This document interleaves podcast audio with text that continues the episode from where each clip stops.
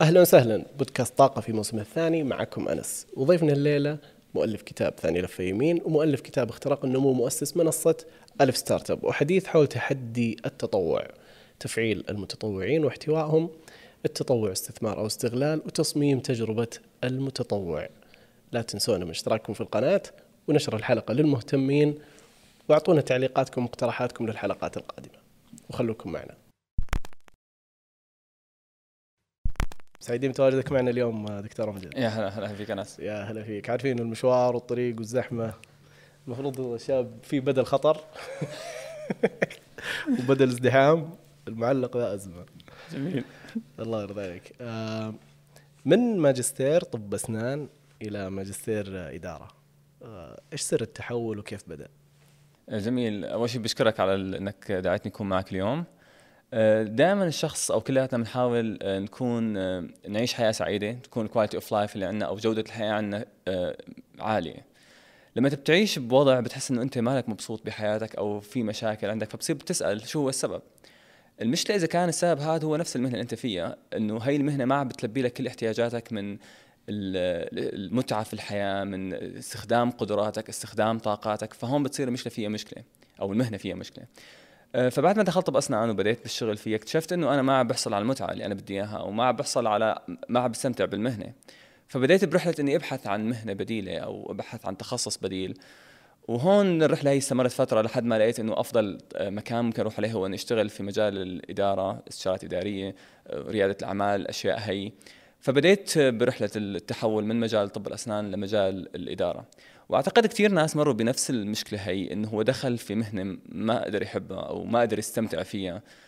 وغير المهنة هي لمهنة ثانية بيقدر يحصل فيها يستخدم قدراته بشكل أفضل يستخدم طاقته بشكل أفضل يعمل أثر أفضل في المجتمع آه، أثر أفضل في, الأشخاص اللي حوله وكمان يحسن جودة الحياة ويحسن الاستمتاع فاذا بتجاوب بكلمة واحدة ليش تركت طب الأسنان ورحت للإدارة فهو البحث عن المتعة أو الاستمتاع بالحياة اللي انت عايش فيها باستخدام قدراتك فالمتعة هي السبب.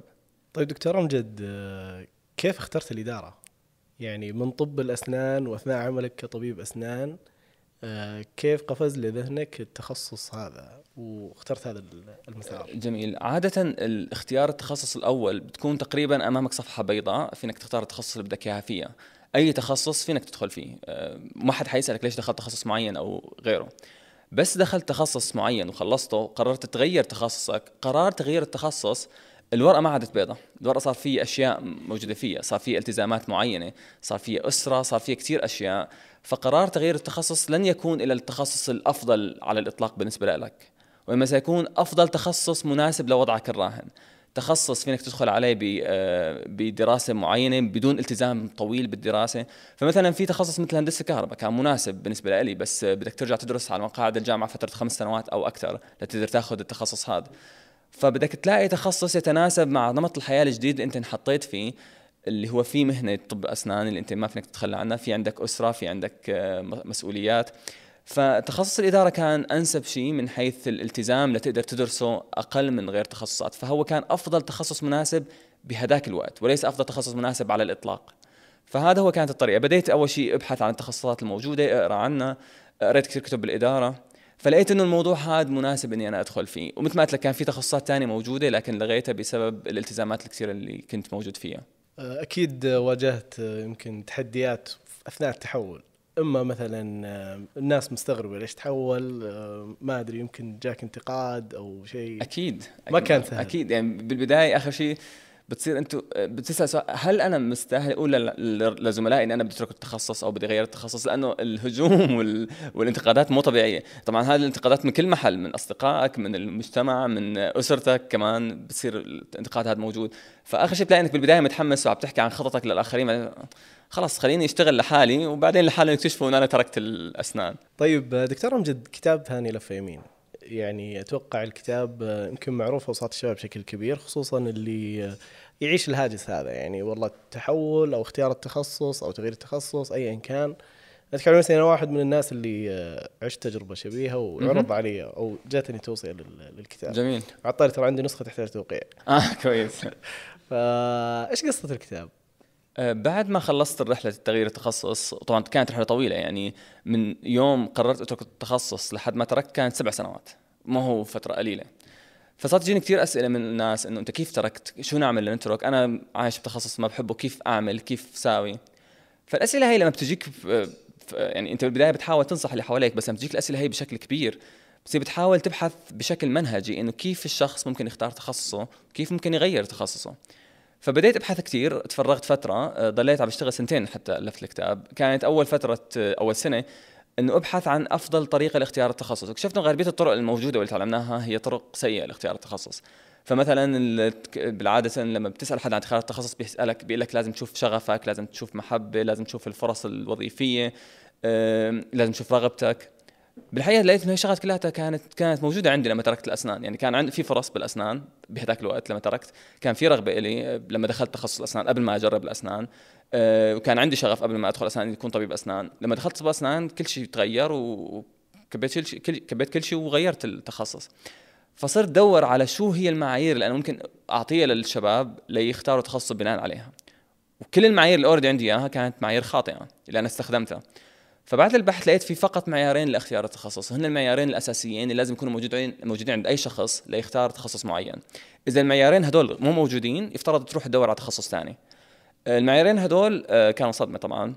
المعيار الأول هو القدرة. والقدرة الكل كان يحكي عنها وبالتالي القدرة ما جبت شيء جديد فيها. المعيار الثاني هو المتعة إني أنا أستمتع لما أمارس المهنه المهنة هي أو كان اسم اسمه enjoyment طبعا كلمة متعة ما كنت أنا كثير أستخدمها أو كثير أعرفها لحد ما قريت أحد الكتب اللي كان بيحكي عن ال enjoyment.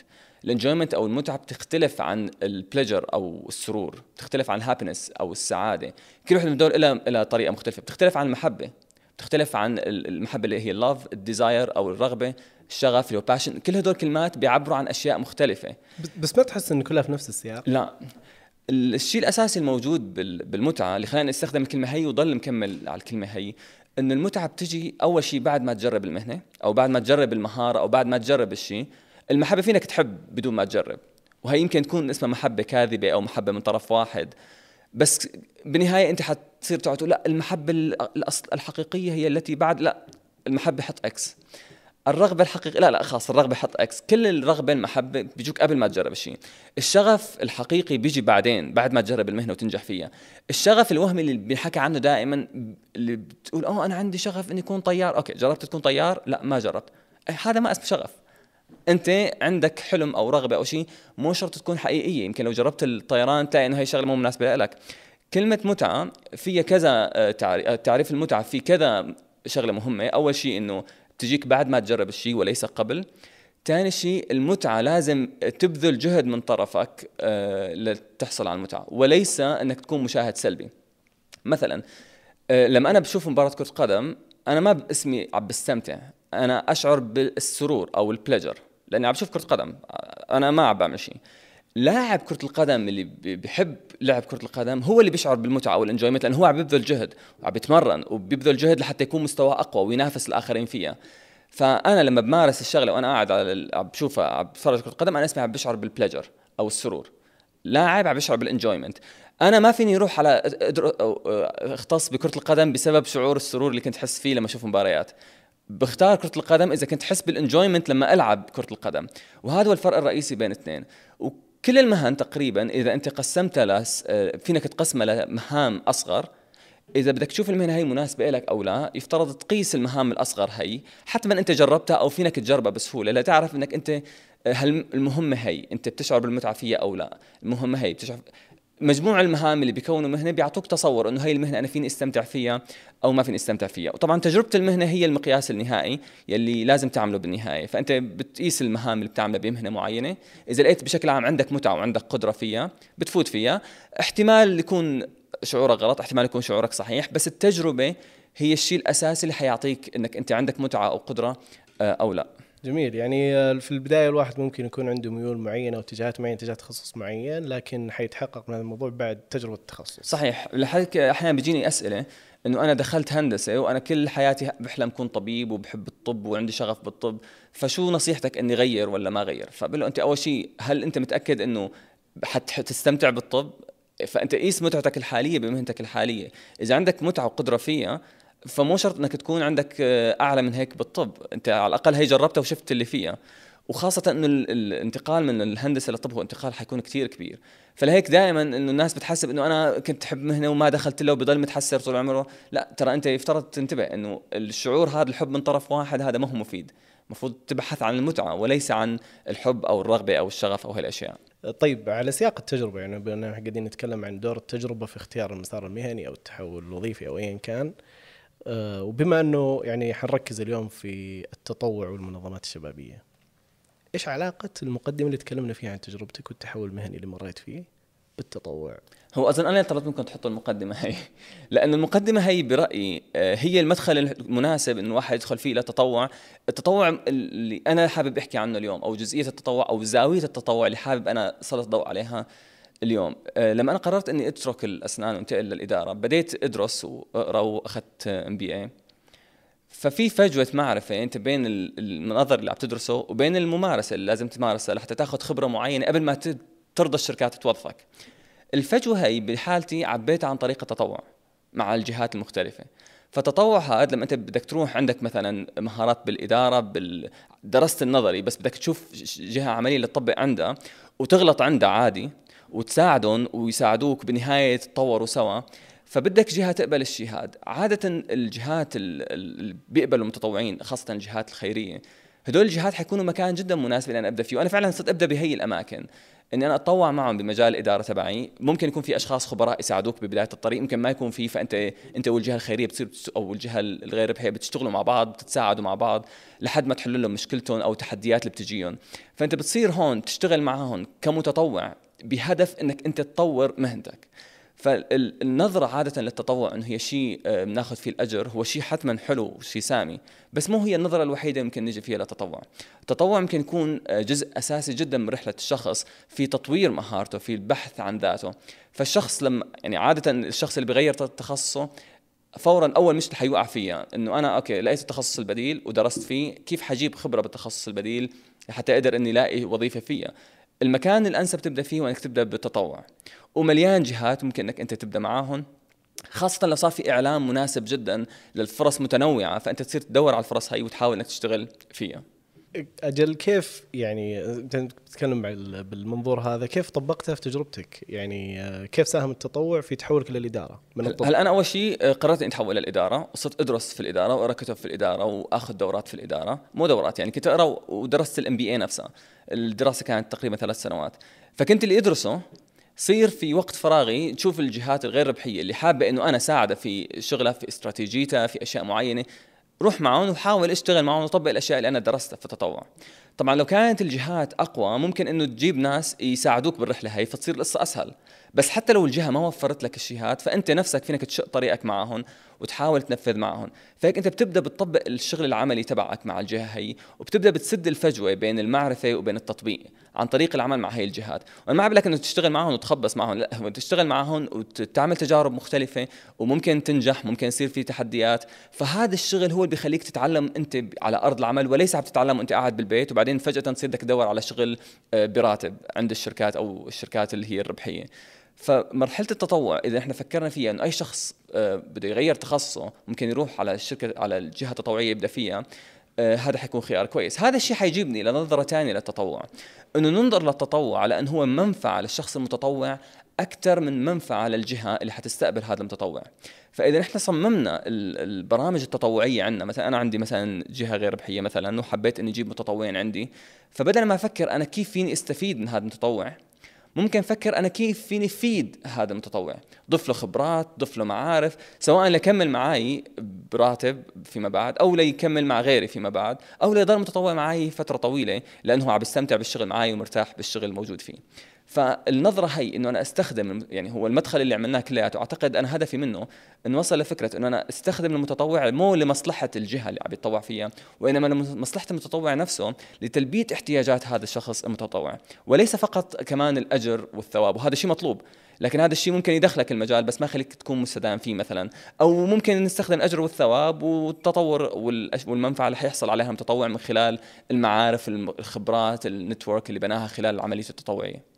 يعني ممكن المنظمات الغير ربحيه مثلا توظف التطوع كأداة للتطوير الشخصي والمهني عند الشباب؟ صحيح، في الأبحاث اللي بتحكي عن التطوع آه، الأبحاث والدراسات بتحكي عن المتطوعين وكيف فينا نحفز المتطوعين آه، وضعت عدة جوانب آه، المتطوع بيبحث عنها لما بيروح بيتطوع. فأنت لما بتروح تتطوع عن جهة عادة أنت يعني نحن عادة ننظر إن الشخص جاي من أجل الأجر والثواب أو شيء لا هذا جانب واحد فقط. في ست جوانب تقريبا عادة الشخص بيبحث فيها لما بيروح للتطوع. في مقياس محطوط اسمه Volunteer Function Inventory. هذا في ست آه، معايير أو ست آه، مسارات مختلفة أو ست محاور الشخص المتطوع بيبحث عنها لما بيروح يتطوع عند جهة. جزء منها تطوير المعارف تبعيته. جزء منها تطوير مساره المهني. جزء منها بناء العلاقات وتطوير علاقاته مع الآخرين و أو ال social بشكل عام. جزء منها ال values طبعا ال values هي اللي فيها الأجر والثواب هي فيها ال values إنه نحن بنحب الإيثار وإعطاء الآخرين. فجزء منها ال values جزء منها تقليل الشعور بالذنب. لما أنت بتشوف ناس محتاجين أو فقراء فأنت لما بتساعد معهم بت بتشيل جزء من الكاهل على إنك أنت عم بتساعد. أنت عم تشتغل مع الآخرين عم بتساعد معهم. وهذا الشيء لهيك يمكن كثير أشخاص لما بيصيروا أغنياء أو مليونيريه بيصيروا بيتحولوا لهذا الجانب لأنه خلص حس إنه هو أنهى كل شيء عنده بس عنده شعور بالذنب تجاه المتطوعين والمآسي والناس المآسي. طبعا كل الناس عندهم مآسي ومعاناة أو كثير ناس أو فأنت إذا شاركت برفع المعاناة عن شخص أو شخصين بتحسن نفسيتك بشكل كثير كبير. فإذا نحن قدرنا ناخذ المجالات هي وقدرنا أي متطوع يجي لعنا نعطيه استبيان وفي استبيانات موجودة لتقيس الست معايير هدول أو الست انفنتوريز هدول. شوفوا ليش تطوع عندك. إذا تطوع معك من أجل المسار المهني فيفترض تعطيه المهام اللي تتناسب مع مساره المهني. طبعا وليس المهام اللي تتناسب مع احتياجاتي فقط. يفترض إنه تكون قصة فيها أخذ وعطاء. فهيك إذا أنا صممت بالبداية إنه أنا بدي أستقبل المتطوعين أعرف أنا هذا المتطوع ليش اجى أنا كيف فيني فيده؟ كيف فيني فيده وأستفيد بنفس الوقت بس بالنهاية هو السنتر أه كيف فيني أعرف شو المهارات اللي حابب أطورها؟ فأنت بتيجي لعندي بتقول أنا أنا حابب أطور واحد اثنين ثلاثة. وبناء على المقياس هذا اللي عملت لي إياه أنا جاي اتطوع عندك لحتى أطور مسار المهني ولحتى أبني علاقات مثلا. فبصير أنت بتحاول تعطيه الفرص التطوعية اللي بتلبي الاحتياج هذا. بالطريقة هي أنت بتكون استفدت وهو بيكون استفاد وبيكون زادت ال ال السمعة الإيجابية للتطوع إنه التطوع هو ليس فقط آه له منظور واحد. التطوع هو أداة جدا عظيمة لحتى الشخص آه يعمل أشياء فيها كثير رائعة. جميل. يعني أتوقع يعني المنظور تجاه التطوع حيختلف. يعني في منظور يمكن من المنظمات في منظور قاعدين نسولف عنه أنا وياك. منظور أو خلينا نقول نظرة المتطوع لسلوك التطوع اللي قاعد يقوم فيه. كيف ممكن توصف النظرة هذه؟ هل التجربة التطوعية تختلف بحسب الجهة بحسب الأماكن؟ حتما في تجارب إيجابية بتعطي تجربة إيجابية للمتطوع. هلا أنا أول شيء قلت لك اياه انه المتطوع اللي اجى لعندك عنده مهارات أو قدرات معينة بحب متميز فيها. وعنده احتياج معين من التطوع جاي يلبيه عندك. ممكن هذا يكون الشعور القيم اللي عنده ممكن تكون تطوير مهني تطوير معارف. كل هاي الأشياء موجودة في المقياس. هلأ هو اجى لعندك. تجربة التطوع معك هي هو البعد الأول ال ال الآخر جزئية من هذا الموضوع. أوكي أنت عرفت هو مين وعرفت شو الأشياء اللي بده يطورها. وصرت تعطيه المهام. هل المهام هي هي تناسب؟ هل التجربة التطوعية اللي عملها معك؟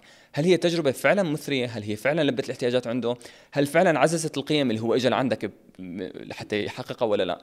في تجارب عالمية مثلا بهذا المجال. مثلا في مؤسسة. هلا في كتاب قبل ما أحكي عن المؤسسة هي كتاب اسمه Forces for Good كتاب كثير مشهور بالمجال غير الربحي. درس المنظمات غير الربحية الدولية.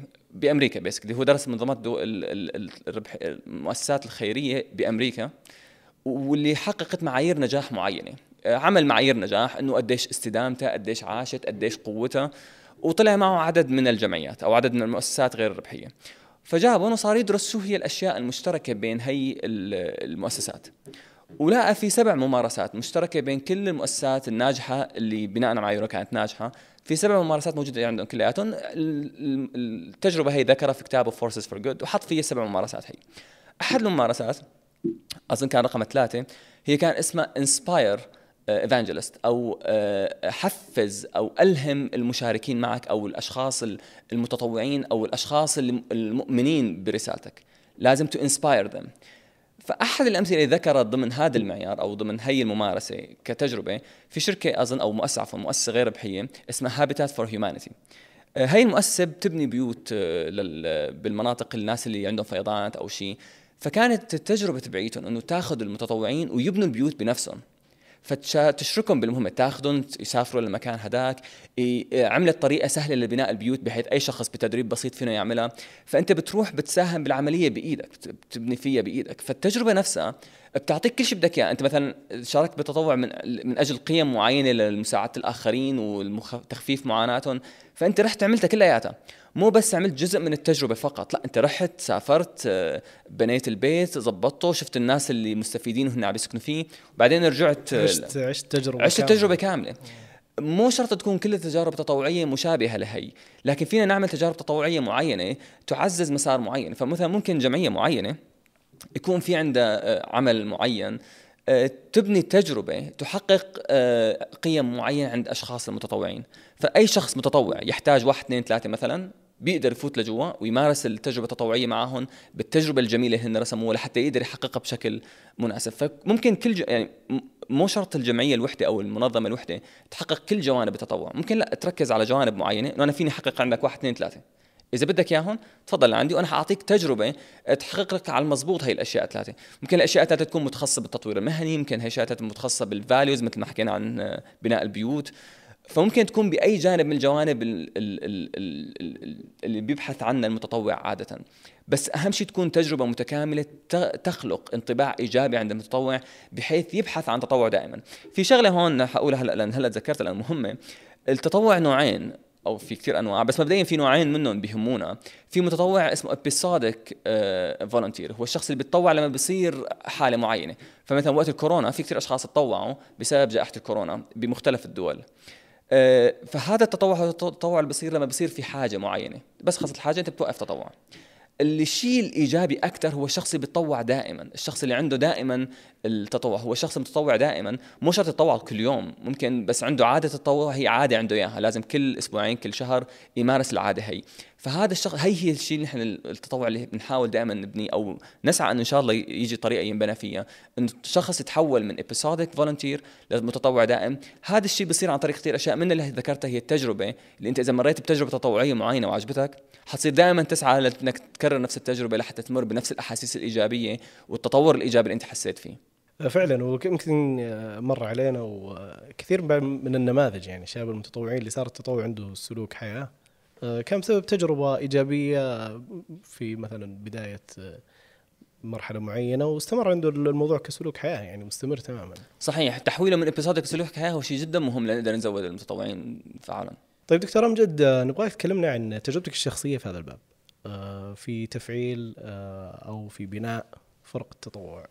جميل. هلا أنا في في قصتين فيني أقول لك إياهم. في قصة كتاب ألفته آه، كان كل الفريق متطوعين وفي موقع ألف startup اللي أنا co-founder فيه والموقع له هلا غير ربحي وحيضل فترة يعني يمكن حتى ضل مدى الحياة غير ربحي لسه ما بنعرف بس آه، الموقع أسسته تقريبا من أربع سنوات. أعطينا فكرة عن الموقع. بدايته كانت متطوعين. فحقول لك على القصتين. أول شيء الكتاب لأنه هو قصة الكتاب أبسط.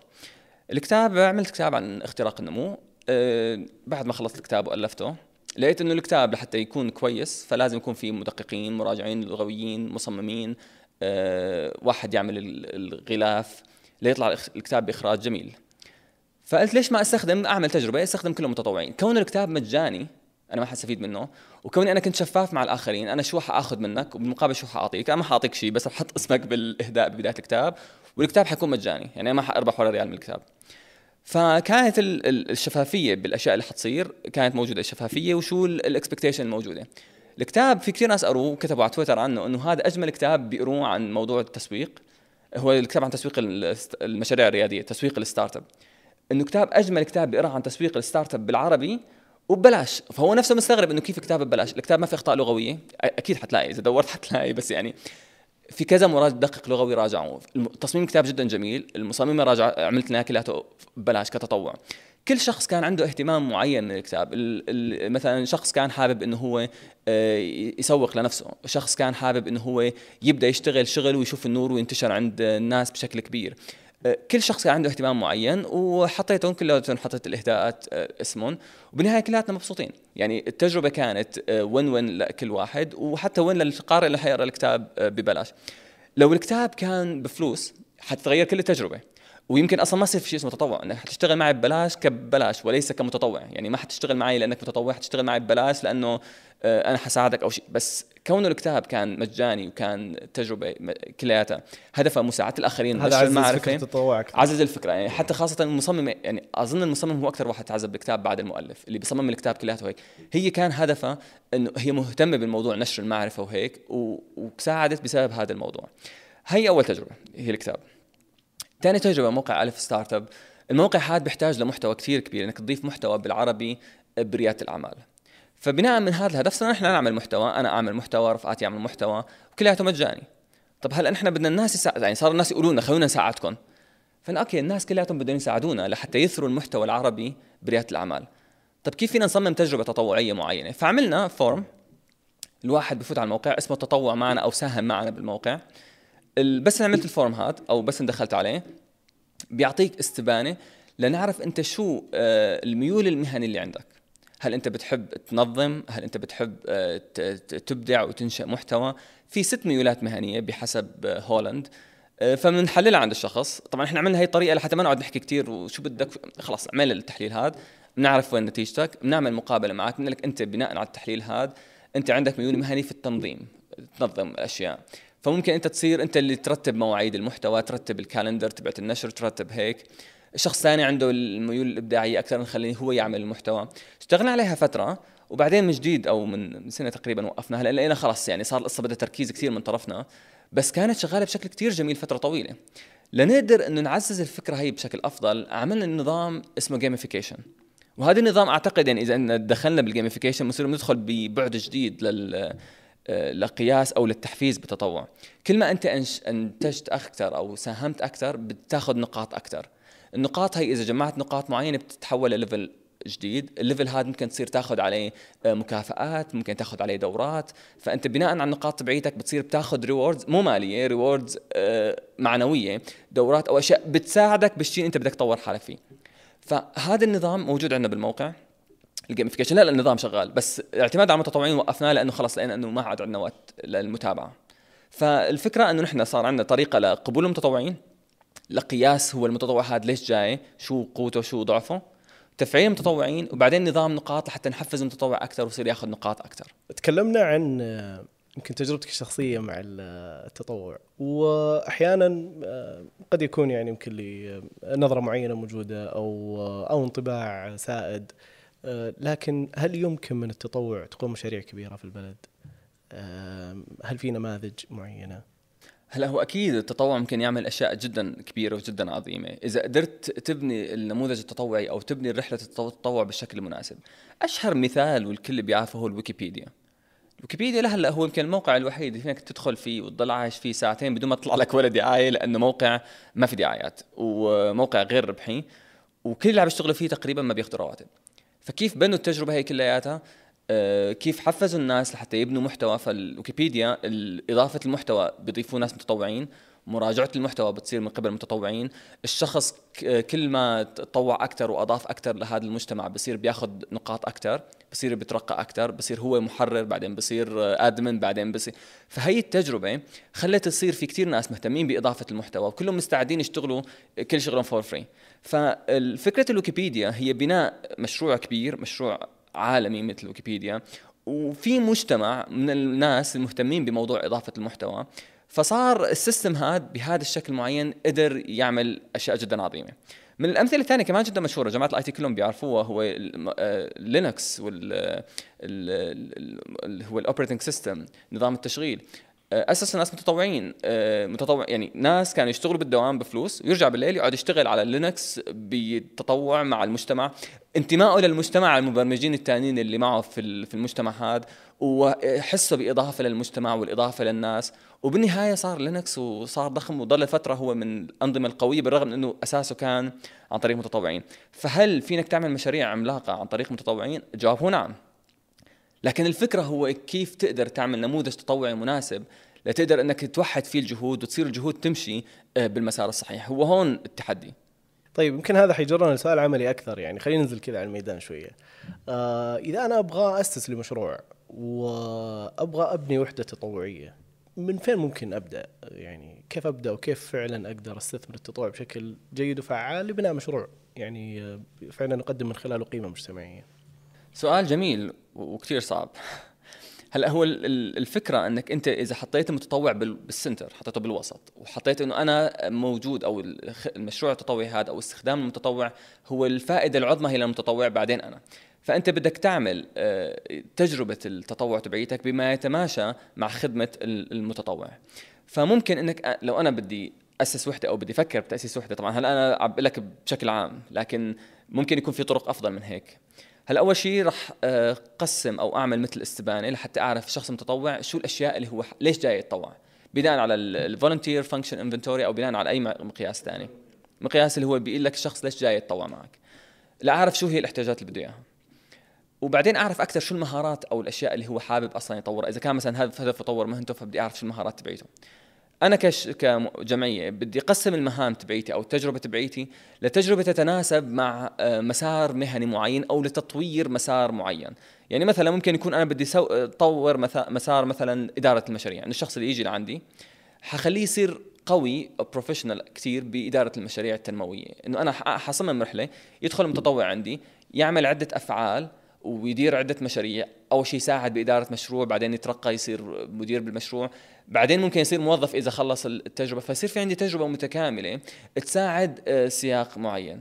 فإذا بالبداية رح حلل المتطوع رح حلل المهام اللي عندي كجمعية الأشياء اللي بدي أعملها وكيف أنا فيني أعمل تجارب بتخدم آه، عدة أنواع من المتطوعين اللي حابين يجوا لعندي. بعدين بدي أعمل نظام يستديم الشيء هذا ممكن نظام مثل ما قلت gamification أو نقاط. النظام هذا بي- بيمنح المتطوع مجموعة من النقاط اللي ممكن بعدين يصرفها آه، بأشكال مختلفة. ممكن يصرفها داخليا. يعني أنت تعطيه فيها دورات قلت له إذا جمعت ألف دورة رح طلعك دورة أو أعطيك دورة. أو ممكن تعطيه أشياء تانية تفيده بناء على احتياجه. فهيك ممكن أنت تقريبا تخلق تجربة تطوعية. إنك متطوع شو بده؟ أنت شو عندك أشياء وبعدين نظام تحفيز لحتى تستدام آه، الشغلة هي. وطبعا في شغلة لازم تعرفها. الأشياء المملة أول شيء أي شيء ممل بالحياة حيكون في شخص ثاني يستمتع فيه. فمو شرط إذا كان الشيء ممل معناته إنه هذا الشيء آه، كل الناس بيكرهوه لكن في أشياء محورية حتضطر دائما تجيب أشخاص يشتغلوا فيها بدون تطوع. يعني أشخاص حيشتغلوها بفلوس. فممكن أنت دائما تبرمج حالك إنه أنا حأعمل مسارات معينة مفاصل معينة حتضل بموظفين براتب.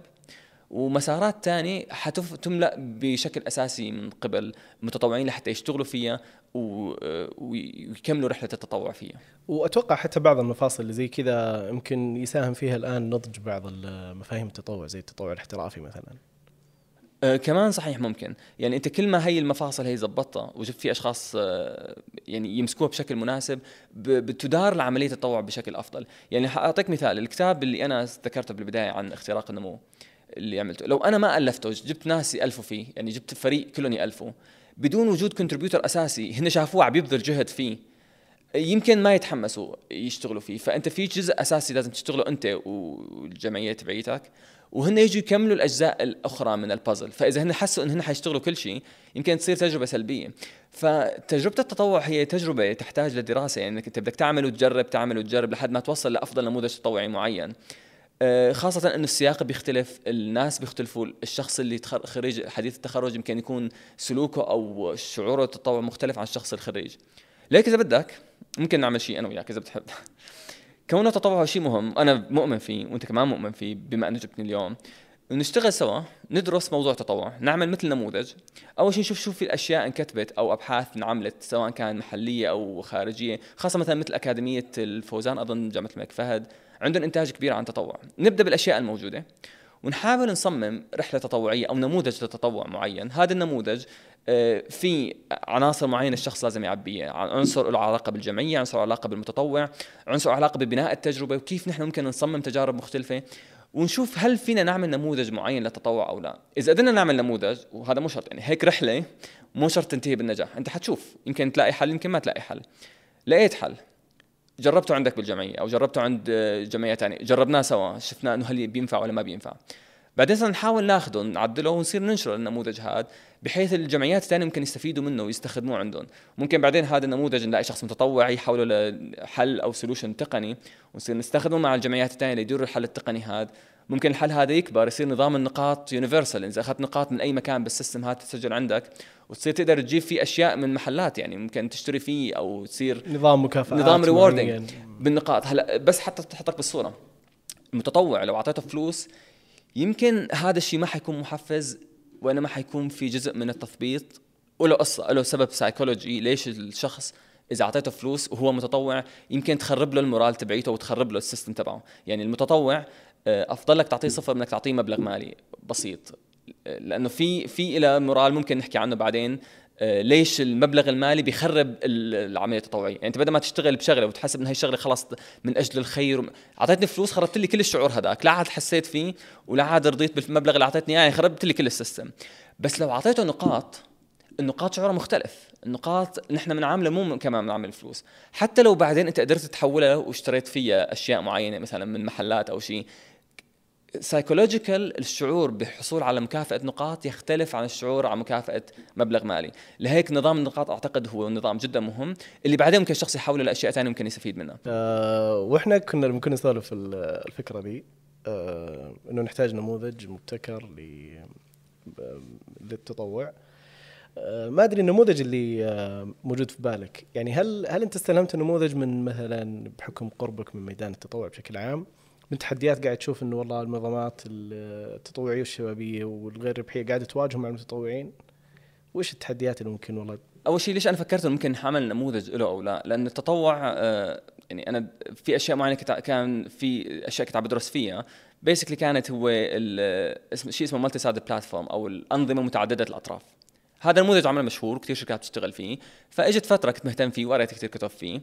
كان أحد النماذج تطبيق ال multi-sided platform هو إنك تعمل community والناس يشاركوا بهذا ال community ويكون عندهم انتماء لهذا ال community فيصيروا ينجزوا بهذا ال community هذا كان أحد أمثلة إنك كيف أنت تبني منتج وتكبره بأقل تكاليف ممكنه إنك تبني community حول هذا الشيء. ففي كثير نماذج موجودة لبناء community فكنت أنا أفكر إنه إذا أخذت نماذج هي عدلت فيها وصرت أستخدمها بدل ما لبناء community أستخدمها لبناء نموذج تطوعي أو يمكن بناء community من المتطوعين. فممكن يطلع معنا شيء. لهيك أنا أعتقد إنه فينا نحل أو فينا إذا ممكن يطلع معنا نموذج معين للتطوع وخلال عملي آه، لما كنت بألف ستارت أب وكنت حاول إنه آه، آه، بالبداية نستفيد من المتطوعين وتجاربهم كنت دائما حاول إني أجرب وأعمل وحاول وأعدل ولقيت إنه في تجاوب معين على النطاق الصغير اللي جربنا فيه. فأعتقد لو كبرنا التجربة وعملنا نموذج عام للتطوع ممكن يطلع شيء كويس. جميل. كيف ممكن توصف علاقة المنظمات الغير ربحيه بالتطوع؟ هلا ما عندي فكرة كيف السلوك الحالي لكن إذا كانت النظرة للمتطوع هو إنه هذا الشخص جاي فقط من أجل الاجر والثواب أعتقد هون حتكون النظرة شوي مغلوطة لأنه يفترض نحن المتطوعين نحس إنه هن جايين لأشياء أكثر من هيك هو جاي لقيم جاي اجر ثواب وكمان جاي لحتى نحن نفيده يعني جاي هو مو بس لاجر ثواب كمان جاي يستفيد. إذا أنا بدي أنظر لش... طبعا قصدي مستفيد ماديا أنا قصدي إنه هو جاي ممكن قيم ثانية بس إذا شفنا إنه أي متطوع جاي فقط الاجر والثواب فهون نحن اختزلنا الموضوع بشكل جدا مبسط. في ناس كثيرين ممكن يتطوعوا آه، من أجل أشياء ثانية آه، اجتماعية أشياء آه، مهنية أشياء معرفية. وهدول فينا نستفيد نفيدهم نستفيد منهم. فإذا أنا حسبت إنه كل اللي جايين لعنا هن فقط جايين بالإضافة طبعا للصنف الأول إيه يعني. فهن مو بس جايين الاجر والثواب ممكن اجر وثواب فقط ممكن ناس جايين اجر وثواب وشيء ثاني فبالتالي الفكرة إنه أنا عاملهم كلهم جايين الاجر والثواب هي فكرة أنا شايف إنه هي آه، مغلوطة. أنا أشوفها هي فقط الدافع الوحيد. شغلة ثانية إذا نظرت للمتطوع إنه شخص أنا جاي لحتى أستفيد منه هي كمان بتصير نظرة ثانية مغلوطة. وأعتقد الناس أو بشكل عام متوقعين إنه صعب أنا أعطي المتطوع شيء غير الأجر والثواب. صعب غير إنه بعد ما يخلص الله يعطيك العافية الله يجزاك الخير. لا هو في أشياء تانية مهنية آه، نفسية فينا يستفيد منها بالتطوع. فإذا غيرنا النظره تبعيتنا من إنه هذا المتطوع جاي لحتى يست... لحتى أستفيد منه إلى شخص جاي لحتى هو يستفيد وأنا أستفيد فأعتقد هون النظرة بتختلف كثير وبصير أنا فيني فيد المتطوع وأستفيد منه بشكل أفضل. جميل. آه، أنا أتوقع إنه يعني عموما آه، خصوصا مؤخرا ومع المستهدفات الطموحة في رؤية 2030 بخصوص التطوع كيف ممكن أساعد أنا كأنس أو أنا كمنظمة شبابية كيف ممكن أساعد في تحقيق هذا المستهدف؟ هلا إذا أنت خلقت تجربة آه، جميلة للمتطوعين أنت حتحسن آه، تجربة التطوع آه، حتحسن تجربة شخص معين في التطوع تخليه يحب التطوع. هذا الشخص حيخلي ناس أكثر يحبوا التطوع وبالتالي أنت بتكون بشكل عام عملت تغيير إيجابي في نظرة الناس للتطوع. فإذا أنت بدك تنظر لها كانس ممكن تبدأ بأنك تخلق تجربة جميلة للتطوع هذا وتخلي الناس تحبها. وبعدين ممكن تشارك هي التجربة اللي أنت عملتها مع الآخرين. مع الجهات الأخرى لحتى يستفيد من هي التجربة. فأعتقد إذا أنت عملت هيك بتصير تعمل ripple effect أو تأثير impact آه أثره كثير كبير إنك أنت غيرت أول شيء على نظرة المتطوع بعدين كبرتها بعدين كبرتها لحد ما تحدث تأثير أكبر بالآخرين. وإن شاء الله بتقدر رقم مليون ممكن يجي بسهولة بهي الطريقة. ممكن نستخدم ال word of mouth بناء يعني تسويق واختراق النمو.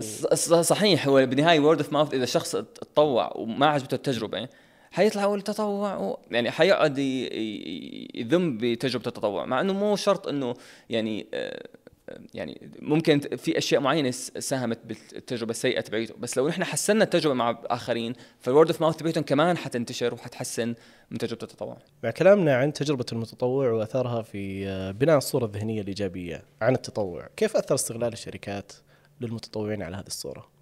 العمل مع أي جهة لازم يكون في شفافية لما الشخص متطوع بده يعمل مع جهة معينة. هلأ أول شيء إذا متطوع بده يشتغل مع جهة هادفة للربح فأعتقد إنه مو مناسب نسميه متطوع. ممكن نسميه أي شيء ثاني بس ما نسميه متطوع. ممكن متدرب. ممكن متدرب. مو متدرب رسمي بس مثلا شخص جاي يطور مهارات شخص جاي يتدرب طلب من الجهه إنه يشتغل معها ببلاش لحتى يطور مهاره. وهذا الشيء صار معي لما أنا جيت اشتغلت اشتغلت مع عدة جمعيات. بس كمان صرت أروح لعند جهات أو شركات استشارية أو شيء من عن طريق العلاقات أقول له أوكي بدي أشتغل معك ببلاش ما بدي أخذ فلوس. أه، فهذا النموذج هذا ما اسمه ما اسمي أنا عم بتطوع عنده أنا جاي أتدرب عنده أنا جاي أطور مهارتي عنده. أما أتطوع عند أو يصير اسمي متطوع وهو السياق ربحي هادف للربح فأعتقد هذا غير غير منطقي. شغلة ثانية بالعلاقة حتى العلاقة غير ربحية يفترض يكون في شفافية. بالبنود أه، أو بالأشياء اللي حتصير بينك وبين شخص متطوع. فما فينك إنك مثلا تقول للشخص متطوع يتطوع معك بتدقيق الكتاب أو تدقيق مشروع أو عمل مشروع وأنت حتربح من المشروع هذا. وهو ما عرفان إنك أنت حتربح من المشروع هذا. فيفترض يكون في شفافية. إذا كان المشروع هذا غير ربحي فممكن نسميها تطوع. إذا كان ربحي فيفترض تكون شفاف معه. تقول له ما حاعطيك فلوس لانك أنت جاي تطور مهارتك بناء على طلبك. آه، وليس انه يفهم أنه هو جاي يتطوع. بين يكتشف إنك أنت أخذت فلوس كثير وما أعطيت يعني هون هون النظرة بتصير سلبية. لهيك القطاع غير ربحي. إذا حسن سمعة التطوع أو حسن آلية أو تجربة التطوع أعتقد هذا الشيء حيغطي على المفهوم السلبي اللي ممكن انتشر في فترة من الفترات. إذا إحنا نظرنا نتطوع إنه تجربة إيجابية تجربة هدفها المتطوع فيها هو الأساس ونحن جايين لحتى نساعد المتطوع لحتى نأدي عمل مشترك أعتقد هون بتتحسن سمعة التطوع وبتصير أفضل كثير وبصير كل الناس حابين إنه يدخلوا فيها ويتطوعوا. كيف ممكن يكون في هذا السياق دور المنظمات الشبابية في تحسين هذه الصورة؟ أه، جميل. المنظمات الشبابية مؤخرا صارت أه، تعمل منتجات مختلفة غير تقليدية فصار في جمعيات كثيرة تطلع جمعيات العلاقة بالرياضة جمعيات العلاقة بالفنون. هذا الشيء بيخلق تجارب متنوعة على الشخص المتطوع اللي جاي. مثلا بالسابق كان في نمط معين من الجمعيات فإذا أنت جيت فأنت أكيد حتعمل مثلا إدارة مشاريع أو حتعمل فأشياء معروفة اللي حتعملها. وهي ما حتلبي كل احتياجات التطوع عند الآخرين. مثل ما ذكرت لك المثال في البداية الشركة اللي بتخلي الناس أو عفوا الجهة غير ربحية في أمريكا اللي بتخلي الناس يبنوا البيوت سوا خلقت تجربة جديدة عن طريق العمل هذا. فالجمعيات الشبابية إذا قدروا يخلقوا منتجات آه، محفزة أو منتجات إبداعية ويعملوا تجربة تطوع حلوة أو جميلة للشخص المتطوع أعتقد هون حيتغير صوت التطوع بشكل جدا جميل. يعني حصير نحن اللي ندور على فرص تطوعية هي لحتى نتطوع معهم. كونهم عم يقدموا منتجات جذابة منتجات إبداعية عم يقدموا تجارب تطوعية مختلفة عن اللي نحن اللي بنعرفها أو التجارب التقليدية.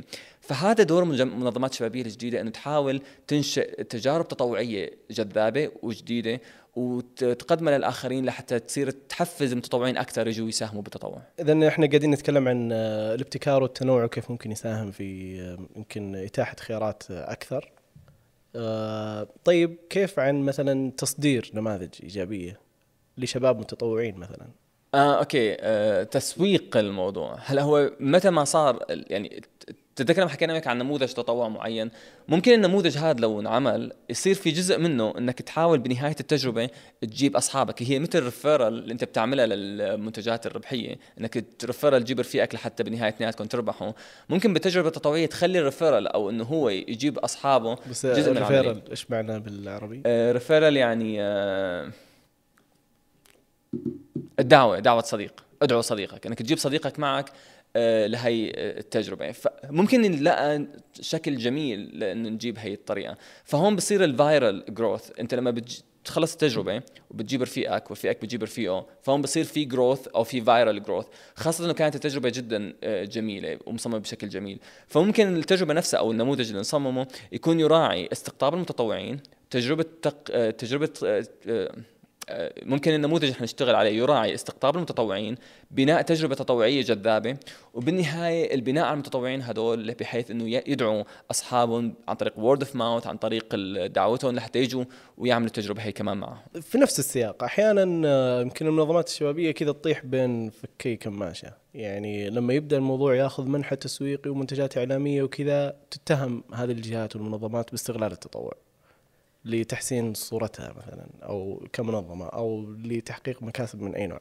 هلا كون الجهة الغير ربحية هي آه، تعمل بشكل غير ربحي وهي عرفانه أهدافها وين وعرفانه طموحاتها وين فيفترض إنه هذا الشيء ما يأثر عليها. وبالعكس يعني نظرتنا لقطاع غير ربحي إنه هو قطاع آه، يفترض يكون له سياق معين أو آه، له حدود معينة هاي النظرة يفترض تتحسن. قطاع غير ربحي في إبداع في دماء شابة في كثير أشياء جميلة. فيفترض إنه إحنا ما نستغرب لما نشوف آآ آآ هذا النموذج جاي. يمكن نحن ما تعودنا عليه بس مو معناته إنه هذا هو الشيء الصح. بالعكس نحن متوقعين الجمعيات الشبابيه تكون عندها إبداع تكون عندها أفكار جذابة يكون عندها كثير شغل جميل وتصير بالعكس يصير هذا نموذج جميل حتى القطاع الخاص يتعلم منه. وين المشكلة؟ وفعلا الآن القطاع الخاص متجه بشكل كبير يعني وحدات مثل المسؤوليه المجتمعية وإدارات المسؤوليه المجتمعية في كثير من الشركات عندها جهود تطوعية جبارة. صحيح. وممكن يتعلموا بالنهاية من التجارب اللي عملوها الجهات غير ربحية بمجال التطوع عن طريق بناء التجارب هي. فمو شرط الأشياء اللي إحنا يعني يعني وجود نماذج إبداعية داخل الجهات غير ربحية هو شيء جدا إيجابي ولازم نصير نشوفه كثير وحيصير يعني already إحنا عم نشوفه كثير جميل. أه لما تكلمنا مثلا عن التسويق أه أتوقع إنه يعني يمكن المنظمات الغير ربحية بتواجه تحديات كثيرة في تسويق مفهوم التطوع بشكل أو بآخر. أه سواء لاستقطاب المتطوعين أو لتفعيلهم بشكل كافي أو أه أو ايا كان. أه وأنا أبغى أدخل في نقطة في هذا السياق برضو. زي ما كنا نتكلم عن استغلال المتطوعين في الشركات أو في القطاع الربحي.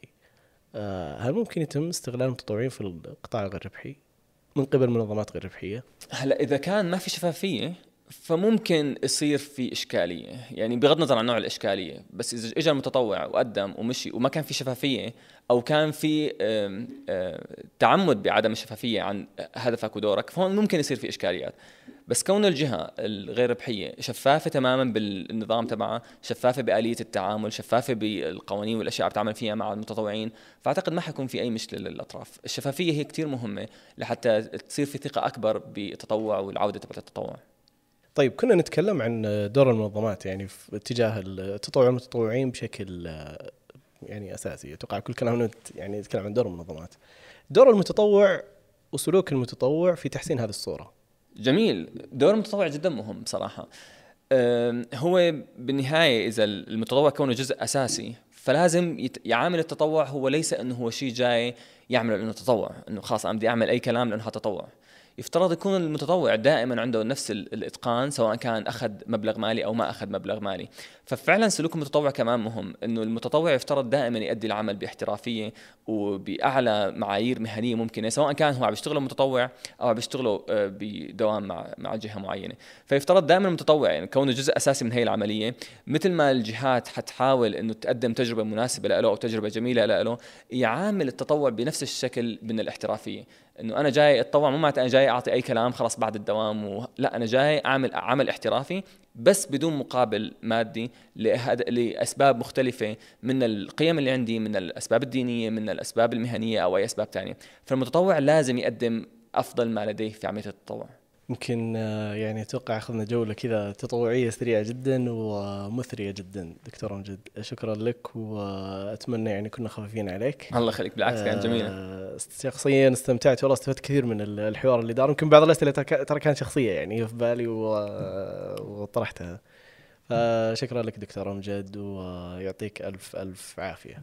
والله شكرا لك وأنا جدا سعيد إنه تعرفت عليك من فترة وشفت جهودك بالهاد. ولما قلت لي إجي فأكيد فورا وافقت لأنه يعني بالنهاية آه، هيك مواضيع حلو إنه تنطرح حلو إنه تنطرح بزوايا مختلفة. فحبيت أنا أوضح الزاوية معينة وإن شاء الله تكون وصلت بالشكل المناسب. وشكرا للدعوة. والله يا رب بإذن الله. شكرا لك يعطيك العافية وفمان الله.